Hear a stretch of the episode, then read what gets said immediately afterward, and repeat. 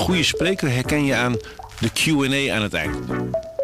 Onze lifehack-expert Martijn Aslander geeft je adviezen waar je echt wat aan hebt. Beluister en bekijk Martijn of een van onze andere experts op businesswise.nl. Businesswise, het nieuwe platform voor iedereen met ambitie. Goedendag, dit is het nieuwsoverzicht van de Stentor. Bij een ongeluk in Lelystad is vannacht een 24-jarige man overleden. Hij raakte met zijn auto van de weg en botste tegen een boom. Op de rotonde waar dit gebeurde lagen brokstukken. De man was de enige inzittende van de auto. De politie onderzoekt de oorzaak. Staphorst krijgt dit jaar geen openbare Sinterklaasintocht.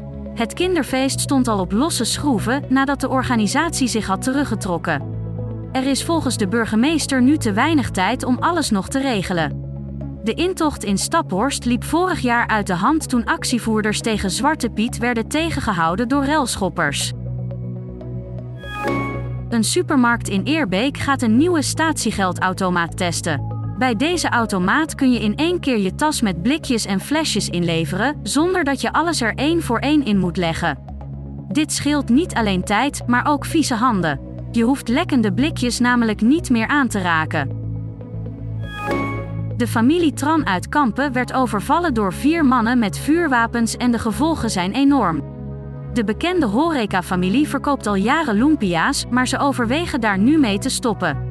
De familie noemt de overval een traumatische ervaring die hun leven kapot heeft gemaakt. De daders zijn nog niet gevonden.